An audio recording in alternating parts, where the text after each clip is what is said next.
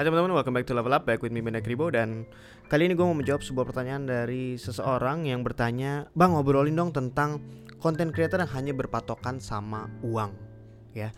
Ini again gue sebenarnya agak-agak gimana gitu ya kalau ngebahas soal duit tapi memang ini jadi topik yang menarik gitu ya dan di sini gue mencoba untuk sharing dari pengalaman yang udah gue miliki gitu ya. Gue udah menjadi creator sejak tahun 2008 2009 gitu ya udah cukup lama dan um, sepertinya gue sudah cukup ya bisa dibilang punya pengalaman banyak dan akhirnya bisa sharing tentang hal ini gitu ya. Dan ini juga mungkin bisa jadi reminder buat banyak anak-anak muda yang eh, nggak uh, anak-anak muda doang sih buat buat para creator yang mungkin baru jadi creator atau mungkin baru eksis banget setahun dua tahun gitu ya. Bukan gue di sini menjadi orang yang so tau gue cuma di sini pengen sharing dan kalau misalnya ada hal bermanfaat yang bisa dulu ambil dari obrolan kali ini tolong diambil manfaatnya tapi kalau nggak kalau nggak setuju nggak masalah gitu ya karena gini gue mungkin um, kalau ngomongin berpatokan sama uang gue mau coba sedikit uh, apa namanya ngebahas lebih lanjut soal duit-duitan ini ya.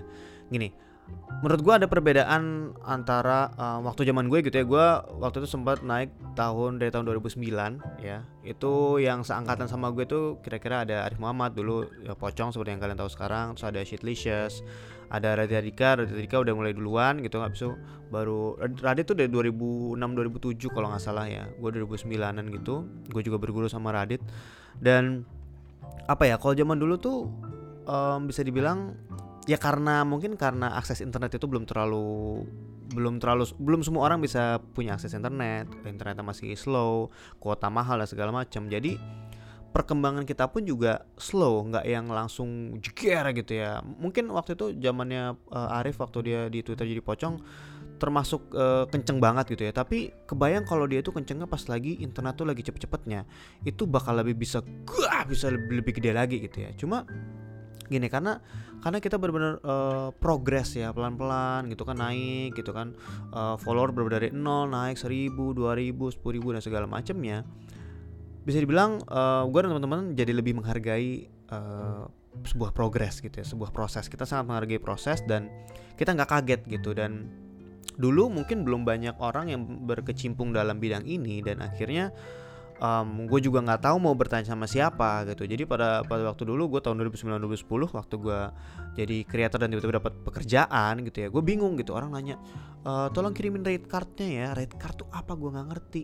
E, kartu merah red card apa ya? Gitu. Ternyata itu adalah rate card. Itu artinya adalah list harga. Kalau misalnya mau beriklan di gue tuh list uh, apa harganya berapa. Waktu itu bisa beriklan di gue di via blog dan juga bisa via tweet berbayar pada saat itu ya. Dan waktu itu gue nggak bikin sama sekali karena gue pure gue bikin konten gue bikin blog pada saat itu ya waktu awal gue memang mulainya dari blog. Itu pure karena gue emang pengen sharing aja pengen cerita gitu. Bahkan salah satu tujuan gue bikin blog waktu itu adalah karena gue pengen aja biar gue punya diary biar nanti beberapa tahun ke depan which is kayak sekarang itu udah 10 tahun kemudian gue bisa baca lagi dan ternyata melihat tulisan gue sangat norak banget gitu sekarang gitu ya kalau dibaca-baca gitu ya. Jadi biar ada kenangan aja sih gitu dan nggak pernah nyangka kalau bisa dapat uh, pekerjaan dari situ gitu ya. Gue nggak nyangka gila ternyata gue nulis artikel gue bisa datang ke sebuah tempat gue review ternyata gue bisa dapat uang gitu. Wow menyenangkan sekali gitu kan. Gitu dan itu uh, cukup effort kan karena um, apa namanya gue butuh kamera, gue butuh smartphone, gue butuh uh, modal buat datang ke tempatnya, kalau misalnya dapat pekerjaan gitu kan, gue harus review, gue harus pikir ot apa uh, puter otak dan segala macamnya. Benar-benar untuk menghasilkan satu karya butuh uh, proses panjang lah gitu ya bisa dibilang. Ini ini belum belum sampai ke masanya YouTube ya, masih dalam bentuk artikel gitu ya.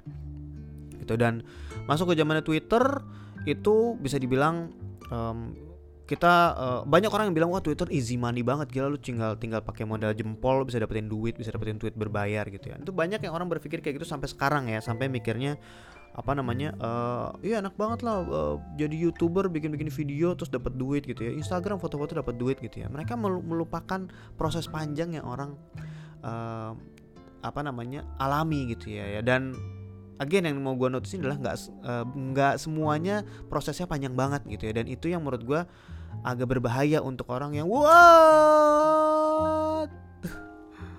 Tadi dulu ya. Ya agak berbahaya buat orang yang terlalu cepat naiknya gitu. Kenapa gitu ya? Nah dulu waktu gue baru naik setelah 2009 2010 gitu ya uh, dapat pekerjaan, oke okay, gue coba meeting sendiri, gue coba pelajari sendiri apa sih yang namanya invoice meeting tuh kayak gimana sih, ketemu sama klien tuh disuruh ngapain sih, apa yang harus gue jaga, apa yang harus uh, gue jual dan segala macamnya gitu. Dan gue mencoba belajar sendiri karena gue nggak tahu mau nanya ke siapa gitu. Dan kebetulan beberapa dari orang yang uh, ngasih gue pekerjaan adalah teman-teman gue sendiri beberapa gitu ya. Jadi gue bisa nanya ke mereka, tolong dong bimbing gue gitu kan. Dan gue juga punya uh, teman yang udah senior juga dan gue bisa uh, ada satu orang gitu yang gue sempat nanya juga ke dia gimana cara ngembangin apa namanya akun uh, platform kita gitu kan. Udah dan dan gitu zaman Twitter apa namanya um, 2009 sampai 2012 gitu. Nah kenapa sih Twitter waktu itu gede banget? Ini sekalian sedikit sharing gitu ya. Karena waktu itu sosial media itu bisa dibilang cuma ada Twitter doang gitu ya. Facebook nggak yang nggak terlalu gimana gimana banget. Twitter di mana semua orang uh, punya akses gitu ya. Kuotanya kecil karena cuma teks doang gitu ya. Bahkan foto belum terlalu banyak gitu dan semua pusatnya ke situ gitu ya. Orang YouTube juga belum punya kuota yang gede gitu, cuma orang yang punya internet uh, di rumah yang broadband yang udah kenceng doang yang bisa akses YouTube pada saat itu.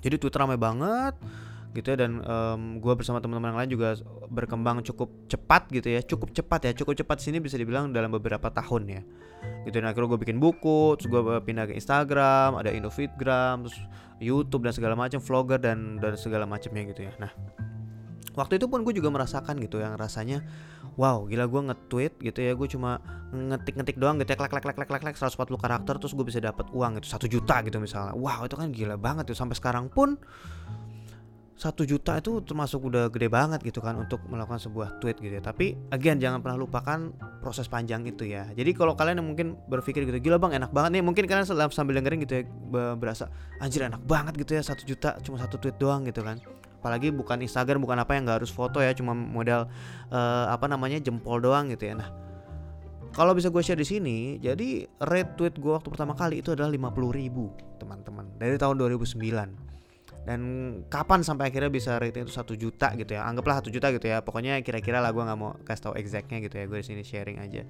Itu kira-kira di tahun 2012an 2012 2013 jadi ada proses cukup panjang yaitu ada sekitar 3 sampai 4 tahun.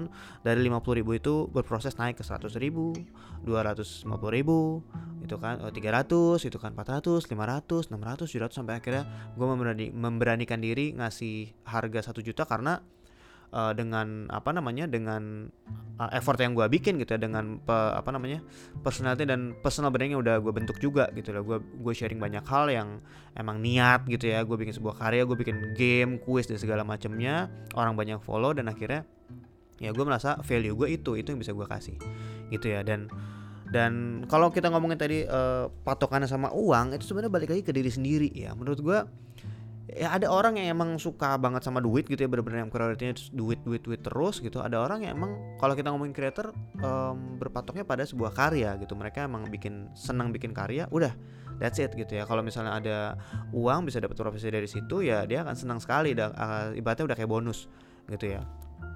Cuma kalau yang udah dapat uh, udah senang banget untuk mengejar duit ya dia memang jadi kayak creator slash businessman banget gitu ya. Dan kalau kalau kita jump back jump back itu apa gitu ya? Kalau kita coba lihat ke zaman sekarang gitu ya di 2019 kita bisa dari segi-segi apa ya uh, banyaknya vlogger youtuber terus juga mulai dari apa namanya endorser gitu endorsement banyak banget dan itu benar-benar bisa menghasilkan uh, uang yang banyak gitu ya. Dan tapi um, satu hal yang pengen gue apa namanya coba sharing di sini adalah uh, buat kalian gitu yang yang para creator gitu ya.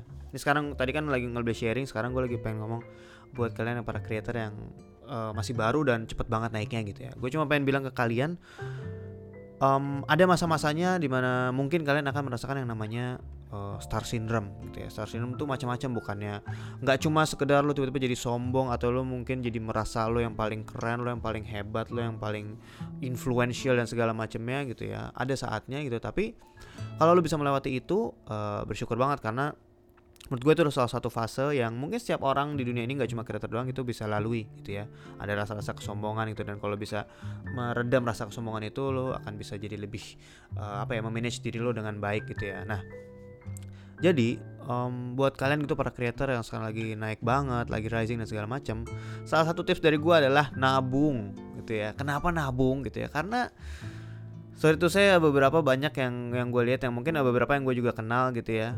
Um, ya gue nggak tahu sebenarnya. Gue memang ya anggaplah di sini gue agak sedikit judging gitu ya. Gue nggak tahu mereka punya uang seberapa banyak gitu. Tapi banyak dari mereka yang uh, menurut gue gitu berlebihan gitu. Kenapa bisa gue bisa bilang ber, berlebihan?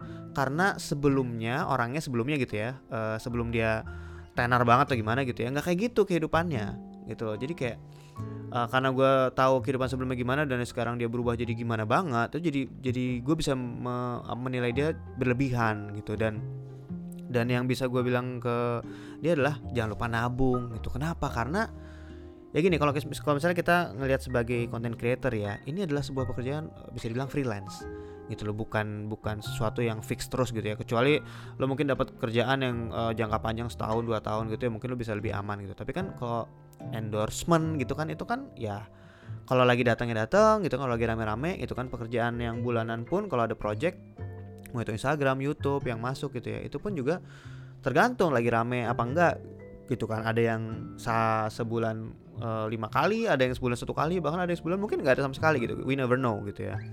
Nah, kalau misalnya lagi berasa yang star syndrome yang berasa lagi naik banget tuh, lo, lo mungkin akan merasa, wah job lagi banyak, udah gue ambil terus, ambil terus, ambil terus gitu kan, sampai akhirnya jobnya banyak, uangnya banyak, tapi ternyata kontennya lama-lama jadi mulai turun gitu ya. Jadi ada kualitas yang bisa harus tetap di maintain gitu. Dan celakanya menurut gua kalau misalnya nggak ditabung gitu ya terus ntar dalam berapa lama tiga tahun terus ternyata tiba-tiba uh, apa namanya sudah tergiur dengan duit gitu ya dan terus habis itu uh, apa namanya udah kebeli tuh barang-barang yang yang sebenarnya hanya lo inginkan bukan lo butuhkan gitu ya. Terus tiba-tiba job-job lo tiba-tiba uh, menurun gitu kan karena banyak kreator lain yang lebih keren dan segala macamnya nanti lo bakal bingung gitu. Aduh gimana nih? Duh bulan ini job baru cuma satu gitu kan. Gimana nih? Aduh duit aduh cicilan ternyata gue ke mana? Habis beli mobil aduh habis beli rumah dan segala macam lo akan pusing. Gitu ya. Jadi uh, salah satu itu yang mau gue bicarakan adalah pikirnya harus panjang pikirnya harus jauh ke depan gitu. Jangan cuma berpikir sesaat doang gitu. Karena ya itu tadi uh, as a human gitu ya lo lo misalnya lo sekarang masih muda jadi creator gitu ya lo pasti akan suatu saat pasti akan berada di titik yang lo pengen pengen punya pacar lah atau lo pengen menikah gitu lo pengen punya anak pengen berkeluarga pengen punya rumah dan segala macamnya. Akan ada banyak hal-hal penting yang akan lo lebih butuhkan daripada yang lo inginkan gitu. Dan pada saat lo udah komitmen ke sana apalagi udah menikah gitu ya lo komitmen untuk uh, menjalin uh, hidup bersama seseorang gitu ya lo bertanggung jawab gitu ya lo harus ya, apalagi sebagai cowok ya harus bisa menafkahi gitu dan kalau misalnya lo nggak bisa nabung atau mungkin terlalu boros lo akan pusing sendiri nanti gitu ya. Mungkin ya awal-awal lo akan seneng happy banget gitu ya hura-hura segala macem. Bukannya nggak boleh ya gue pernah ngomongin tentang financial planning juga ya bukannya nggak boleh. Tapi kalau bisa lo limitin lo batasin gitu loh. Jadi lo uh, apa namanya lo pos-posin bukan puas-puasin ya pos-posin. Mana yang emang uh, dari uang yang masuk mana yang bisa diplotin untuk uh, cicilan, operasional segala macam, mana yang emang lo save untuk hiburan, hura-hura dan segala macamnya. Gitu. Jadi lo akan merasa lebih merasa lebih apa ya? Ya merasa lebih care dengan hidup lo di masa depan gitu karena lo akan lebih membutuhkan banyak uh, ya bisa dibilang banyak membutuhkan materi di di masa depan gitu karena apa karena mungkin lo akan berkeluarga lo akan punya anak dan segala macamnya ya memang rezeki tidak akan ke mana gitu tapi tidak ada salahnya kalau kita menabung gitu ya. Dan karena boros juga bukan sesuatu yang terpuji gitu ya kalau bahasa PPKN zaman dulu gitu. Pasti akan ada hikmahnya dari orang yang menabung gitu ya. Ya paling kira-kira gitu aja sih yang mau gue share kali ini gitu ya tentang creator dan ya gue harap ini nggak cuma untuk creator aja gue berharap siapa pun kalian gitu ya. Dan sekarang karena jujur aja anak zaman sekarang banyak banget yang konsumtif ya uh, head on banget gitu ya benar-benar yang mungkin gajinya pas-pasan pendapatannya pas-pasan tapi pengennya jajan Starbucks pengennya jajan yang lagi trending yang trending ternyata lima puluh ribu seratus ribu tetap dibeli padahal uang nggak terlalu banyak gitu ya. Itu kan apa ya menurut gue pengaruhnya macam-macam ya. Mungkin nggak cuma dari diri sendiri tapi karena pergaulan pertemanan karena yang lu follow lagi uh, make uh, lagi makan makanan itu dan lu juga pengen gitu ya. Jadi akan banyak sekali lu terinfluence sama orang gitu loh. Jadi uh, harus again harus lebih sering apa namanya introspeksi diri. Apakah gue emang gue sanggup ya uh, lifestyle seperti ini gitu. Kadang-kadang harus mikir gitu ya. Gue pun juga seperti itu karena gue pernah melewati masa-masa itu gitu ya. Gue merasa kayak Wih, duit gue banyak nih. Gue bisa beli makanan-makanan enak segala macam gitu ya. Benar itu ada ada zamannya pada saat gue lagi jomblo gue dapat kerjaan di blog di twitter dan segala macamnya oh gue bener-bener ke mall itu kerjaan cuma makan enak gitu ya. Ya boros tapi borosnya at least untuk diri gue sendiri gitu. Akhirnya gue lebih lebih apa namanya badan gue lebih gede gitu ya. Dulu kurus banget gitu ya. Ya pemborosannya masih ada faedahnya lah gitu lumayan gitu. Cuma kalau udah apa namanya makin ke sini gitu. Gue udah berkeluarga gue udah punya anak. Ya gue sekarang udah beda banget pengeluaran gue sekarang bukan cuma buat gue sendiri gitu. Dan bahkan bukan cuma buat uh, istri doang. Sekarang ada anak gitu. Dan misalnya ada ART ada driver dan segala macamnya. Atau mungkin ada ada anggota keluarga lain yang tinggal bareng dan segala macamnya yang harus gue apa namanya uh, jadi tanggung jawab juga gitu. Akan banyak bahkan banyak banget lah gitu. Hal yang uh, mungkin unexpected gitu ya buat semua orang beda-beda gitu ya. Cuma kalau misalnya nggak nabung ya akan pusing ke depannya gitu ya. Karena ya ada aja lah uh, teman gue yang sempat udah jadi creator gitu beberapa lama dan akhirnya uh, curhat sama gue pusing gitu. Karena uh, bang gue job lagi sepi banget nih. Itu bang duit gue ternyata tinggal tinggal segini nih. Aduh gimana ya segala macam gitu ya. Dan gue ya gue gimana ya kalau gue bisa bantu gue akan bantu gitu. Cuma ya gue lebih lebih pengen bantu dalam segi yang oke okay, kalau gue bisa bantu gue bantu. Tapi paling nggak lo juga harus uh, berkaca lagi harus introspeksi diri bahwa ya jangan sampai dihabisin banget jangan jadi orang yang boros harus nabung gitu. Karena again yang tadi poinnya adalah lo nggak akan cuma hidup sendiri terus gitu ya. Lo akan ya ya kebanyakan orang gitu ya gue nggak tahu zaman sekarang seperti apa ya udah udah udah absurd banget.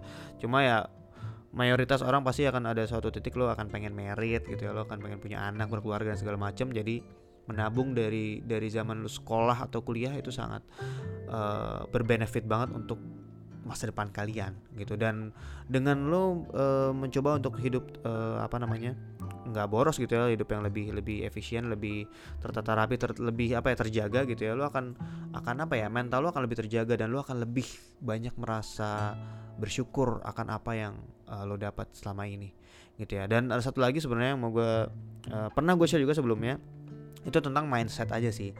Gue pernah dapat dari siapa gue lupa udah lama banget. Itu dia mindsetnya begini. Kalau misal lo mau beli barang yang harganya satu juta itu berarti lo harus uh, menurut dia mindsetnya adalah gue harus udah punya duit 4 juta misalnya gitu. Atau gue harus udah punya duit 2 juta gitu. Jadi kalau gue mau punya barang satu juta gue beli barang tersebut kalau uang gue udah 2 juta bukan pada saat uang gue satu juta atau uang gue satu juta seratus ribu gitu. Karena kalau uang gue satu juta dan barang satu juta gue beli habis gue nggak punya persediaan apa apa gue nggak punya uang darurat dan segala macem gitu kan.